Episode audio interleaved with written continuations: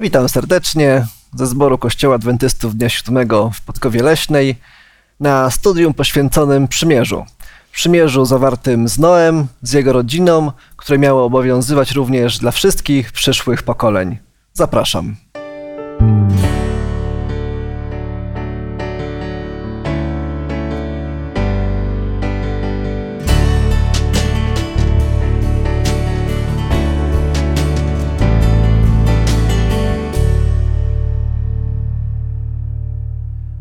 Na dzisiejszym rozważaniu jest ze mną Jonatan, Zbyszek i Małgosia.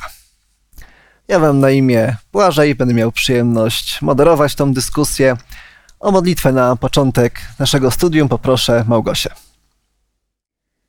Panie nasz i Boże, ogromnie dziękujemy Ci za Twoje słowo i za to, że przez to słowo uczysz nas i że dajesz się poznawać przez to słowo. Bardzo Cię prosimy o prowadzenie Ducha Świętego. Niech Duch Twój Święty prowadzi nasze myśli, nasze słowa, nasze i również wszystkich tych, którzy będą to studium słuchać. Amen. Amen. Amen.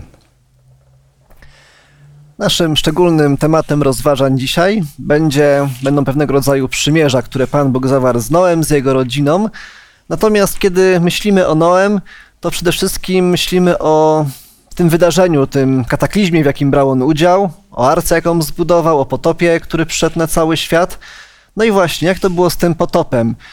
Jest wiele głosów, że te pierwsze rozdziały Biblii to jest jakiś przekaz przenośny, pewnego rodzaju przypowieść, albo że te wydarzenia miały miejsce jakoś bardzo tylko lokalnie.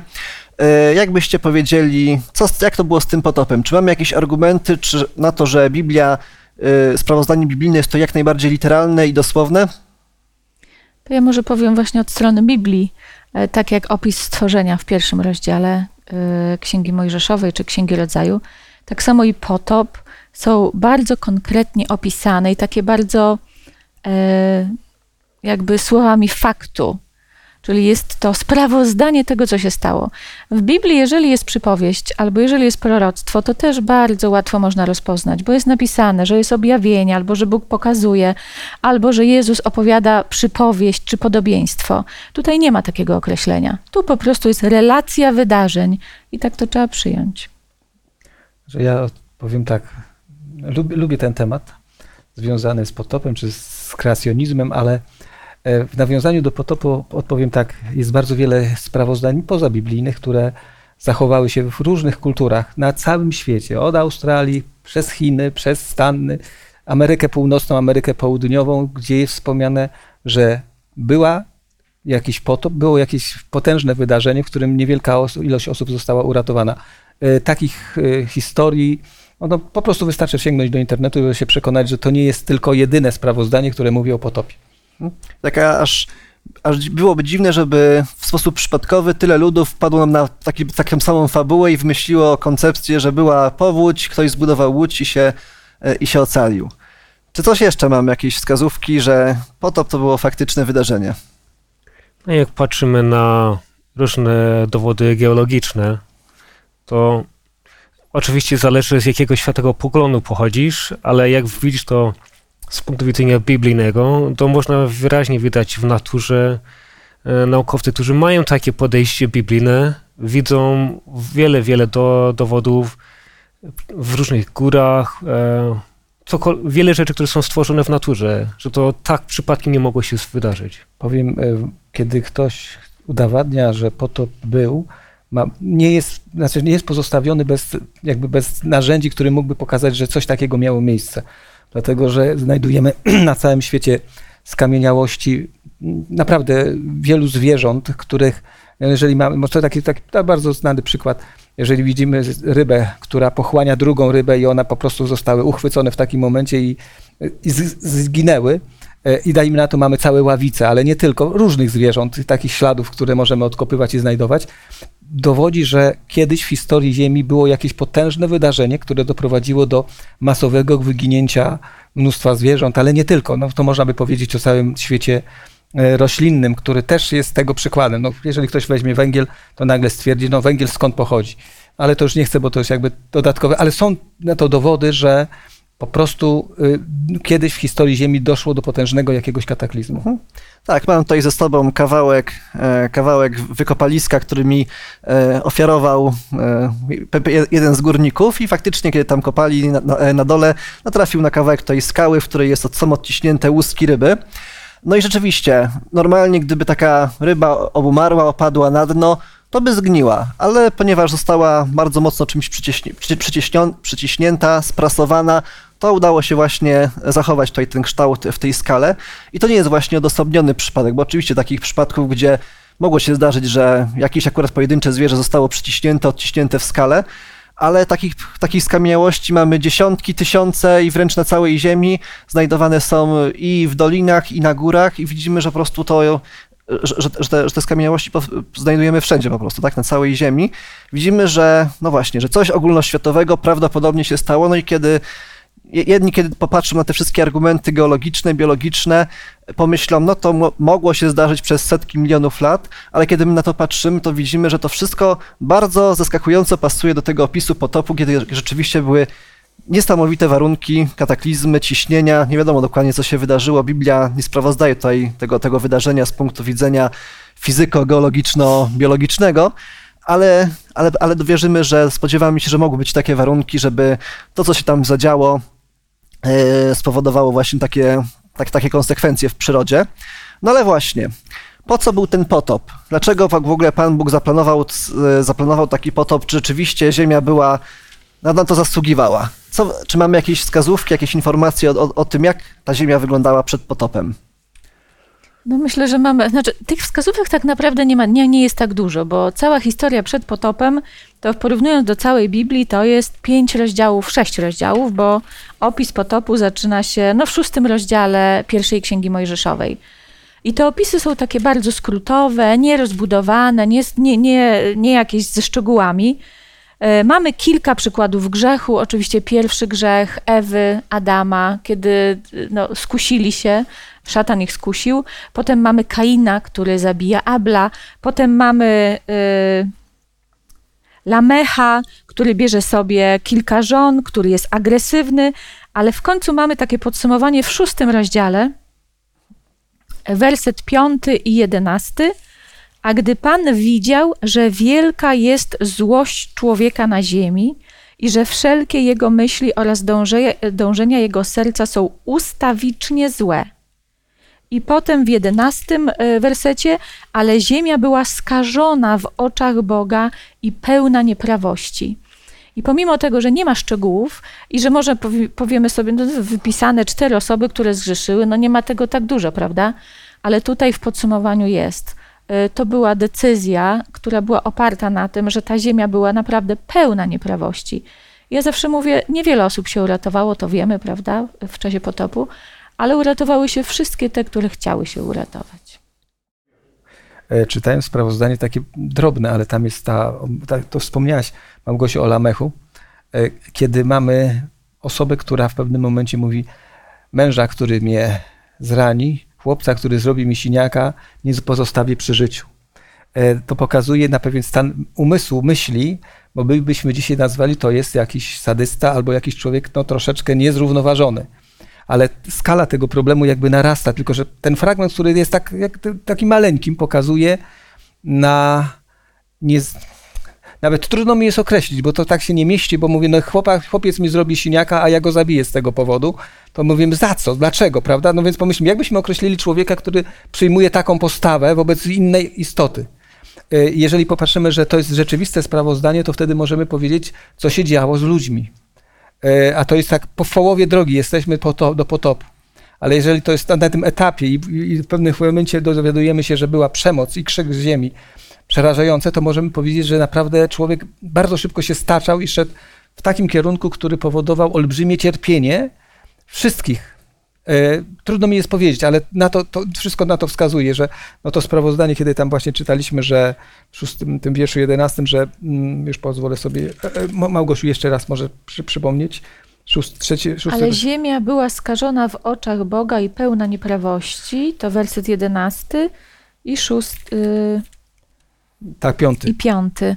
A gdy Pan widział, że wielka jest złość człowieka na ziemi i że wszelkie jego myśli oraz dążenia jego serca są ustawicznie złe. Ponieważ my szukamy konkretów, to tam był konkret w takiej mikroskali, a, ale to, to się rozlewało po prostu po, całym, Mhm. po całej ludzkości, która wtedy funkcjonowała i żyła. Trudno sobie to wyobrazić, ale tak to było. Być może na sądzie milenijnym ktoś zada Panu Bogu pytanie, czy rzeczywiście ten potop był potrzebny. Myślę, że Pan Bóg nie będzie miał jakichś specjalnie dużych problemów, żeby znaleźć dowody i na, na, na uzasadnienie swojej decyzji, na, na uzasadnienie swojego sądu. Natomiast w tym wszystkim dowiadujemy się, że Pan Bóg w pewien szczególny sposób wyróżnił jednego człowieka razem z jego rodziną, e, zawarł z nim przymierze, e, o czym czytamy w rozdziale 6, w wersecie, e, wersecie 18, że z Tobą, Pan Bóg mówi, że z Tobą ustanowię przymierze moje i wejdziesz do arki Ty i synowie Twoi i żona Twoja i żony synów Twoich z Tobą. No i właśnie, dlaczego Pan Bóg akurat Noego wybrał do tego, żeby z nim ustanowić przymierze? Dlaczego akurat na niego zwrócił uwagę i czym ten Noe tak bardzo sobie zasłużył na to, że z tych wszystkich ludzi, którzy, którzy żyli, akurat on miał ten przywilej, że został uratowany? W wierszu dziewiątym tego szóstego rozdziału takie oto słowa czytamy. E, Noe był człowiekiem sprawiedliwym, na tle swojego pokolenia był nieskazitelny. Noe przyjaźnił się z Panem Bogiem. To jest charakterystyka, którą znajdujemy, jeśli chodzi o postawy. Czyli tak powtarzając moje pytanie, Noe był sprawiedliwy, nieskazitelny wśród pokolenia, co to znaczy? E, Czy był bezgrzeszny waszym zdaniem? No oczywiście, że nie był bezgrzeszny, bo nie ma człowieka bezgrzesznego. E, Natomiast myślę, że na twoje pytanie odpowiadają też e, teksty, które są zapisane w 22 wersecie szóstego rozdziału. I uczynił Noe wszystko tak, jak mu rozkazał Bóg. Tak uczynił. I jeszcze w siódmym rozdziale, piątym wersecie, i uczynił Noe wszystko tak, jak mu rozkazał Pan. Ja tutaj widzę posłuszeństwo, zaufanie i to, co Zbyszku powiedziałeś z tłumaczenia chyba z Biblii Tysiąclecia, że Noe y, był przyjacielem Boga, bo w Biblii Warszawskiej mamy, że y, Chodził. Noe chodził z Bogiem. Ta przyjaźń z Bogiem, nawet jak y, patrząc na innych bohaterów Biblii, na Dawida to chyba taki bardzo klasyczny przykład, ale też i na innych, i na Pawła na przykład w Nowym Testamencie, to nie jest bezgrzeszność po stronie człowieka. To jest zaufanie, to jest właśnie chodzenie z Bogiem, to są relacje. Relacje z Bogiem oparte na miłości, na zaufaniu i na, to, na tym, że znamy tego Boga. Y, A wynikiem tego, czy jakby owocem tego są nasze uczynki, czy to, co robimy, czy jak wygląda nasze życie. A tutaj widać, jaką miał Noe relację z Bogiem przez to, co zrobił. Bóg go o coś poprosił, a Noe po prostu powiedział tak. Nie wchodził w dyskusję, zrobił to. Ja myślę, że Bóg, tak jak i teraz, ofiarowuje zbawienie wszystkim ludziom, ale nie wszyscy z tego korzystają. Tak jestem pewna, znając charakter Boga, jak Bóg umiłował ludzi, uratunek był dla wszystkich. Ale tylko Noe był Bogu posłuszny i tylko Noe z tego ratunku skorzystał. Spoglądam na ten tekst troszkę inaczej, bo znaczy tak, tak patrząc, co Biblia chciała w tym momencie, w tym krótkim sprawozdaniu przekazać, tutaj jest takie, takie zdanie. Noe był człowiekiem na tle swojego pokolenia był nieskazitelny. Co mam na myśli? Wyobraźcie sobie, że wyrastacie w otoczeniu, w którym pełno jest gwałtu, przemocy, niesprawiedliwości i tak dalej.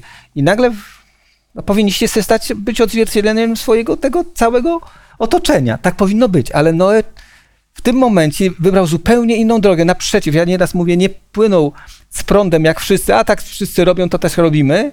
I tak jakby Biblia podkreśla, nie, on postawił się zupełnie inną postawę zajął niż cały otaczający go świat. Postanowił w tym momencie, mówię, być sprawiedliwym, chociaż świat był niesprawiedliwy. Chodzić z Panem Bogiem, choć świat w ogóle nie chciał chodzić z Panem Bogiem. I to, ta, ten przekaz mówi, że sprawił ta wyjątkowość jego, że on szukał czegoś innego. E, Mimo, że mógł powiedzieć, to mogę przeżyć, tam, co mi przeszkadza, będę żył tak jak wszyscy. Nie, on powiedział nie. I Pan Bóg go zauważył i w pewnym momencie mówi, mam dla ciebie zadanie. To ja tutaj dodam, że y, to, że Pan Bóg go zauważył i w pewnym momencie dał zadanie, jeżeli Noe był, żył w przyjaźni z Bogiem, to Pan Bóg nie zauważył go. Pan Bóg go bardzo dobrze znał, tak jak Noe znał Boga. Mhm. Ja myślę, że wspierał go w tych decyzjach, tylko że on po prostu w pewnym momencie podjął decyzję, że chce postępować inaczej niż inni. Wydaje mi się, że tu jest tak jakby przesłanie. Nie idź, na, idź tą drogą powszechną, ale poszukaj czegoś innego. Czyli wybór. Wybór, tak. I Pan Bóg w tym momencie go wspierał, bo doprowadził do przyjaźni. Ja bym powiedział, że można tak prawie w skrócie powiedzieć, że specjalnie pierwsza księga Mojżeszowa, to tutaj wyraźnie widać w, w tym szóstym rozdziale, że pokazuje rodowód i ci, którzy są wierni Bogu i ci, którzy nie. I tak w skrócie pokazuje, jak się dzieli świat między tymi dwoma grupami. Ci, którzy są wierni Bogu i ci, którzy nie. Bóg wszystkim chce okazać miłość, wszystkim okazuje tą miłość, ale czy ją akceptują? I tutaj wyraźnie to widzimy, że no, był wśród tych, którzy byli wierni Jemu i wtedy jeszcze 120 lat głosił tą Ewangelię miłosierdzia, a jednak nikt nie zaakceptował. Znaczy, muszę powiedzieć, że jeszcze z poglądem na Noego, jeszcze z innej strony, wyobraźcie sobie otaczających go znajomych, przyjaciół, jak się dowiaduje i mówi, słuchajcie, a teraz będziemy coś budować, bo do, ma padać deszcz, ma być ten świat zniszczony i e, gdyby ktoś powiedział coś, co w ogóle jest nieznane, bo w tamtym czasie możemy powiedzieć, że deszcz jako taki był nieznany, e, tylko mgłą wszystko było zasilane, ale to już jest inny temat, ale więc chodzi o to, że zjawisko, o to, którym tak deszczu, który by tak padał, padał i wszystko zniszczył, było zupełnie nieznane, więc budowanie na jakimś miejscu czegoś, no, narażało Noego na, no, ho, ho. Słuchajcie, no, można powiedzieć tak, takie osoby należałoby zamknąć w dzisiejszych czasach. Za dużo środków, niezrównoważony, nie, nie, nie, nierozsądny, e, a jednak mimo tej presji, która decyduje się i podejmuje decyzję, mówi, Boże, robię tak, jak mi rozkazałeś. To znowu jakby coś wiem, coś Pan Bóg mi powiedział, idę, niezależnie mimo, że przeszko- mam przeszkody, które są od strony takiej emocjonalnej bardzo trudne do zniesienia. Czyli podsumowując to, co powiedzieliście, Noe miał pewnego rodzaju zaufanie, wiarę i też taką chęć bycia posłusznym Panu Bogu. I Pan Bóg do właśnie do takiej osoby kieruje pewnego rodzaju wyróżnienie w, po, w postaci takiej umowy, tak, że chce, e, że chce zawrzeć z nim przymierze, takie, że go ocali, że no pod warunkiem oczywiście, że Noe będzie chciał to zrobić, że, że Noe zbuduje, e, zbuduje tą markę. E, Czy mamy jakiś argument na to, że nie było żadnej innej rodziny, żadnego innego człowieka, który by, byłby na tyle posłuszny Panu Bogu, żeby, e, że- żeby też spełnił to, to samo zadanie? Czy Pan Bóg nie pominął tutaj kogoś w tym swoim przymierzu? Znaczy chyba teksty, które już czytaliśmy, y, mówią o tym, że w oczach Boga ziemia była skażona. Bóg przejrzał całą ziemię, przynajmniej ja czytam, ja tak rozumiem ten tekst. I mówi zniszczy. I w osiemnastym wersecie tego szóstego rozdziału, ale z tobą zawrę przymierze, ustanowię przymierze. Czyli Bóg widzi cały świat i mówiąc, ale z tobą, jakby wyróżnia, że tylko Noe okazał się sprawiedliwym, tym, który chce z tego zbawienia skorzystać. Inni ludzie nie chcieli? Ja to tak rozumiem, że e, wiele z tych wiernych, z tego rodowodu e, wiernych Bogu, to też mieli swój udział w budowie tej arki i w dzieleniu Ewangelii w tym czasie, bo Noe nie był jedynym, ale z czego widzimy, to większość z nich umarło przed potopem. Nawet najdłuższy żyjący Metuzla, to zaraz po potopie już nikt nie żył tak długo, jak on żył prawie tysiąc lat. A jak porównujemy tutaj e, opis Noe, że on był wierny, posłuszny Bogu, a jest powiedziane, że reszta świata ciągle tylko dążył za złem, ja nie mogę sobie wyobrazić, jakie to było zło. Jak my widzimy w naszym życiu, w ostatnich stuleciu, jakie były wojny i kataklizmy, zniszczenie, co my potrafimy w krótkim czasie zrobić. A co oni mogli zrobić w ciągu prawie tysiąc lat, jakie zło, to nam nie przychodzi w ogóle do myśli, jakie to mogło być zło. Zastanawiam się, czy, czy Noe budował arkę i mówił, no ja buduję sobie arkę, wy się nie przejmujcie mną, niech, niech, niech to nikt nie, nie, nie zagląda.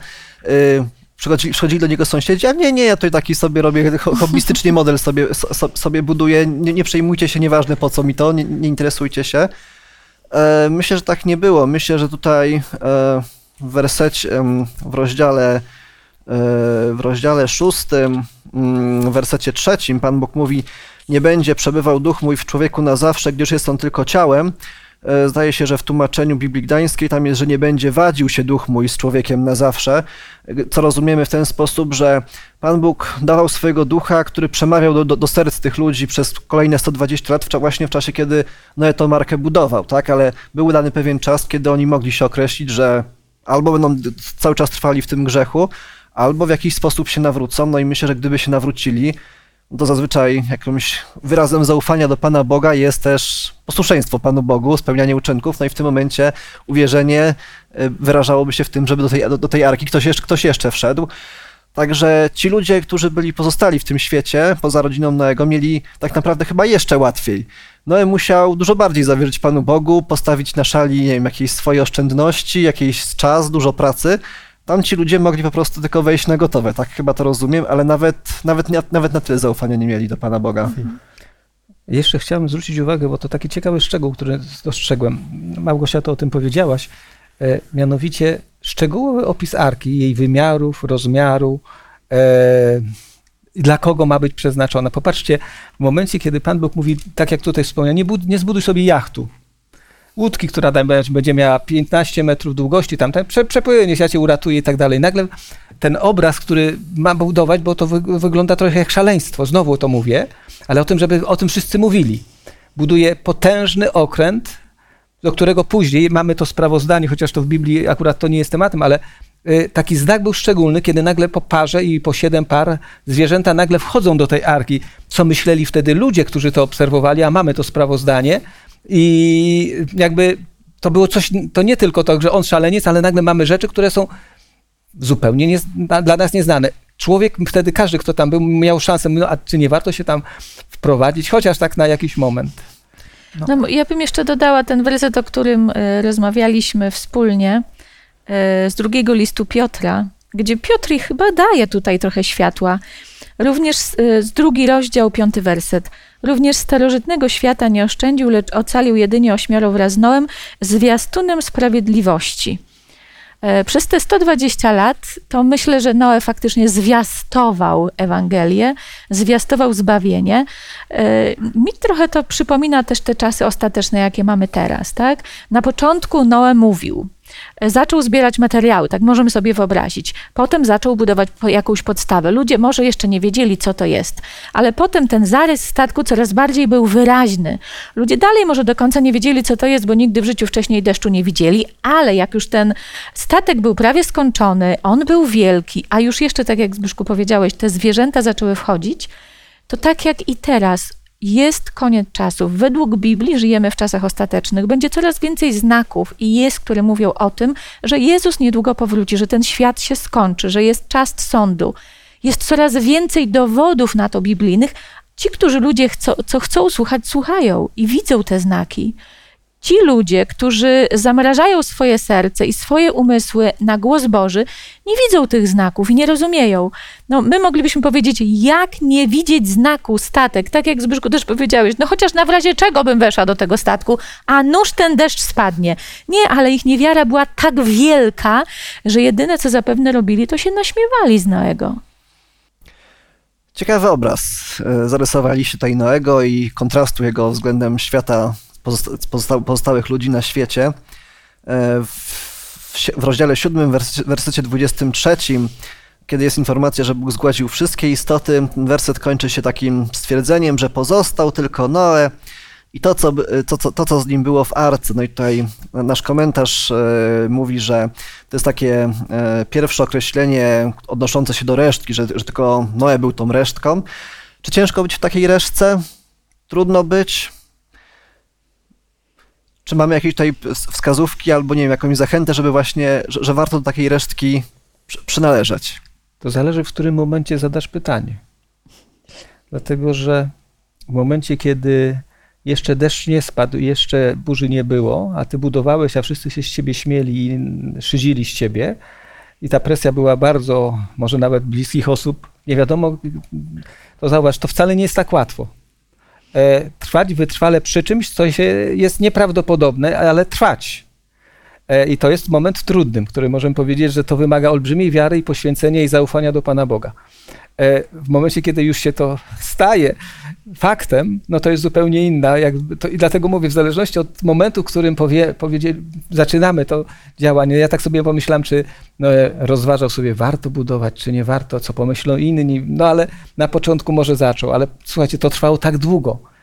To, to nie jest tak, jak długo można znosić różnego rodzaju e, wyszydzanie, a, a się nic nie dzieje. Że ja bym jeszcze dodała, że z tą resztką jest tak, trochę zależy, ile tej resztki jest, jakie jest otoczenie, jak to otoczenie reaguje na tą resztkę. E, Mamy w Biblii wiele wzmianek o resztkach. E, Pierwsza taka resztka, która mi przychodzi do głowy, to jest 300 żołnierzy Gedeona. E, To taka resztka wybrana. To ja bym powiedziała, że to taka resztka taka wyróżniona. To taka specjalna armia, wybrana przez Boga do specjalnego zadania, która miała uratować Izraela przed Mid- Midianczykami. No piękne zadanie. E, Ale jest też resztka, która jest wspomniana w Księdze Objawienia, którą smok odchodzi, żeby prześladować resztkę. E, Więc trochę te resztki są różne, ale jeżeli faktycznie zaufamy Bogu i jesteśmy resztką Izraela, czyli też również tego Izraela duchowego, to jest błogosławieństwo, dlatego że tą resztkę spotka dokładnie to, co spotkało tą resztkę, czyli Noego i jego rodzinie ocalenie. I to jest często trudno, bo człowiek jest może samotny, może jest faktycznie, e, zachowuje się, działa wbrew tłumowi, który nas ogarnia, ale my wiemy, do czego dążymy. My znamy Boże obietnice, bez, więc bez względu na to, co się wokół nas dzieje, warto w tej resztce być, bo tylko resztka zostanie ocalona. No tak mówi Biblia. Znaczy, to jest je- kolejny przekaz, który w Biblii jest taki bardzo wyraźny. Zaufaj do końca słowu Pana Boga. Zresztą to niby a wszyscy ufamy. Nie, nie, ale zaufaj tak konkretnie, nawet w momencie, kiedy jest to irracjonalne, nie masz na to żadnych e- empirycznych dowodów, że to się, się zmieni, ale Pan Bóg mówi, słuchajcie, ta historia jakby związana właśnie z Noem, pokazująca w nawiązaniu do czasów ostatecznych. Mówi, Pan Jezus przyjdzie. No żartujecie, Pan Jezus przyjdzie. No, takie, takie bajki, że ten świat zniknie. Nie, no to przestańcie. To, to, to, my, my wiemy, co może, może kometa spaść, może tam słońce za parę miliardów zgaśnie, ale, ale nie tak. E, ale w pewnym momencie Słowo Boże daje konkretną wskazówkę, konkretną radę i mówi, słuchajcie, tak i a tak się będzie działo. Nie mamy na to żadnych dowodów, że kiedy Piotr pisze, że ta ziemia jest przygotowana do zniszczenia przez ogień i ktoś powie, rety, no, no dzisiaj mamy techniczne możliwości nuklearne, ale w tym sensie, że nagle mamy coś, co Pan Bóg mówi, jest moje słowo, zaufaj. I tak jakby to przesłanie, między innymi tutaj, które wyciągamy, które chce przekazać nam e, autor Biblii, mówi, zaufaj Panu Bogu do końca.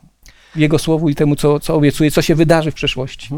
Tak, i wydaje się, że tutaj o tej, o tej resztce każdy decyduje, czy sam może być. To nie jest jakieś elitarne zaproszenie Pana Boga, ale po prostu każdy decyduje, e, czy chce być w tej resz- reszce Pana Boga. Po prostu wiele osób wybiera tą łatwiejszą drogę, tą przyjemniejszą być może czasami, ale na pewno koniec jest taki, że to, co człowiek zbuduje dla, własnego, dla własnej przyjemności, z własnego egoizmu, ostatecznie to wszystko znisz, zniszczeje. Tak jak zniszczało dzie- dzieła ludzkie przy, przy potopie, tak zniszczają dzieła ludzkie, które ludzie tworzą przez ostatnie kilka tysięcy lat, ale właśnie to, co, to, co, to, co robi ta resztka, zap- zapraszanie ludzi do Królestwa Bożego, to się ostoi na wieczność, bo tak naprawdę tylko zbawie, zbawieni ludzie zostaną uratowani na wieczność i będą w Bożym Królestwie z Panem Bogiem na, już, e, już, już na zawsze.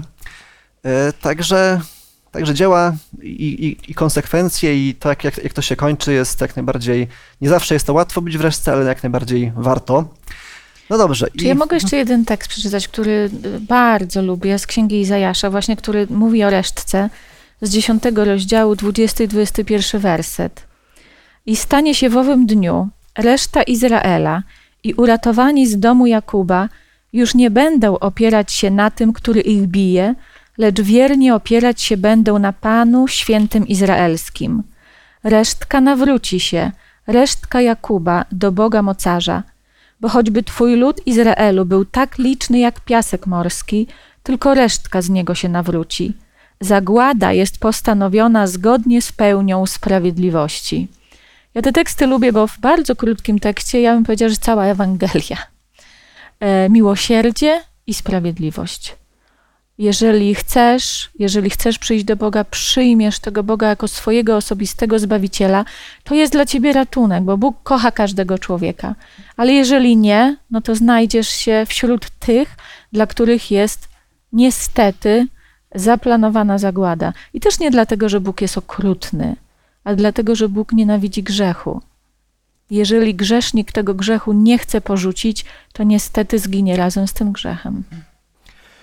Moglibyśmy tutaj długo mówić, ale widzimy, że przymierze to pierwsze przed potopem Pan Bóg zawarł z Noem, żeby Noe dowiódł też swojej wierności i posłuszeństwa Panu Bogu oraz żeby zaoferować ratunek dla, dla Noego, dla jego rodziny, ale także dla całej, dla całej ludzkości. E, No i stało się tak, jak się stało. Przyszedł potop, e, osiem osób się ocaliło. Natomiast chciałbym, żebyśmy teraz skupili się na tym drugim przymierzu, które Pan Bóg zawarł z Noem. Myślę, że będzie ono jeszcze bardziej interesujące, ponieważ obejmuje, przynajmniej tak z tekstu będzie wynikało, obejmuje również nas. Także zapraszam, żebyśmy otworzyli dziewiąty rozdział Księgi Rodzaju i tam od, werseta dziewię- od wersetu 9 do 11 przeczytamy. A ja, oto ja, ustanawiam moje przymierze z wami i z waszym potomstwem po was, i z wszelką żywą istotą, która jest z wami, z ptactwem, bydłem oraz wszelkim zwierzęciem ziemi, które jest wami, od wszystkich, które wyszły z arki, aż do każdego zwierzęcia ziemi. Ustanowię moje przymierze z wami. Nie będzie już więcej zgładzone wszelkie ciało wodami potopu, ani nie będzie już więcej potopu, który miałby zniszczyć ziemię. Dziękuję. No właśnie. E, I tutaj, o ile to pierwsze przymierze, rzeczywiście tam e, zauważamy, że były pewne warunki, że Noe miał zbudować coś, miał coś przygotować, tak tutaj ta umowa, którą Pan Bóg robi, jest bardzo jednostronna. Pan Bóg się deklaruje, już więcej nie spuszcza takiego potopu.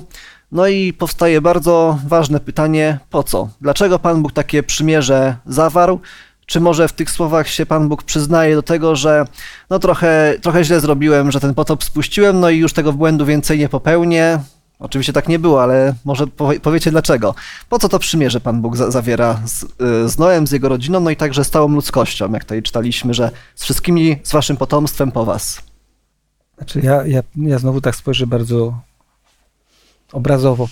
Zawsze się zastanawiam, jak to możliwe, że osoba, która przeżyła nieraz Oświęcim i głodowała, albo ktoś, kto głodował w pewnym momencie w domu, ma zawsze suchy chleb odłożony. Jakieś traumatyczne przeżycie powoduje, że w pewnym momencie jej lęk, obawy są tak silne, że ona chociaż tego chleba ma pełno, to ona musi mieć nawet tego, tego suchego troszeczkę odłożonego. I nie można jej wytłumaczyć. E, Jeżeli to się dzieje w życiu e, kobiet, mężczyzn, którzy jakieś takie bardzo straszne przeżycie przeżyli, to wyobraźcie sobie e, po wyjściu z arki i nagle zaczyna padać deszcz ponownie. To słuchajcie, to, nie, to, to na, dla nas to się, no, to deszcz to deszcz, prawda? Ale No dobrze, w momencie wyobraźcie sobie, że gdzieś jest takie miejsce, które deszcz powoduje kataklizm i co, ca, ca, cały czas to się powtarza i w momencie, kiedy ktoś spogląda na tą pogodę, zaczyna padać, to od razu drży lęka się. I w pewnym momencie jakby Pan Bóg pokazany jest taki bardzo ciepło podchodzi mówi, słuchajcie, no ja wiem, że macie lęk, obawę, że to się może znowu powtórzyć, ale daję wam obietnicę, że już więcej czegoś takiego nie będzie.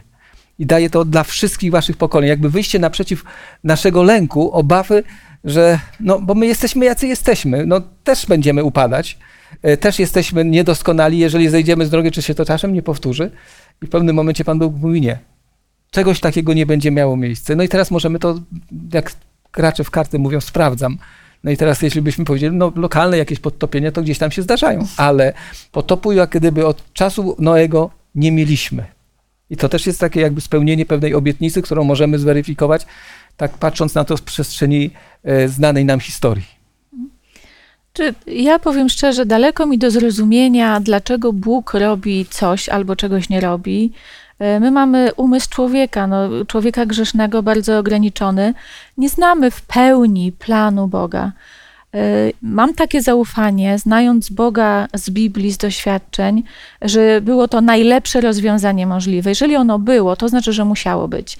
Ale co i dla mnie jest takim obrazem ten komplet właśnie. Z jednej strony potop, a z drugiej strony to przymierze po potopie. W Biblii, sobie wypisałam, w Biblii Jakuba Wójka, w tym jedenastym wersecie dziewiątego rozdziału jest słowo nie ustanawiam, ale daję przymierze, co jeszcze bardziej pokazuje, że Bóg wszystko daje. Tu nie ma żadnych wymagań, jak powiedziałeś, od strony człowieka. To y, Bóg zapewnia, obiecuje, daje y, i to jest takie maksymalne jakby, czy taki największy, największy obraz miłosierdzia Bożego.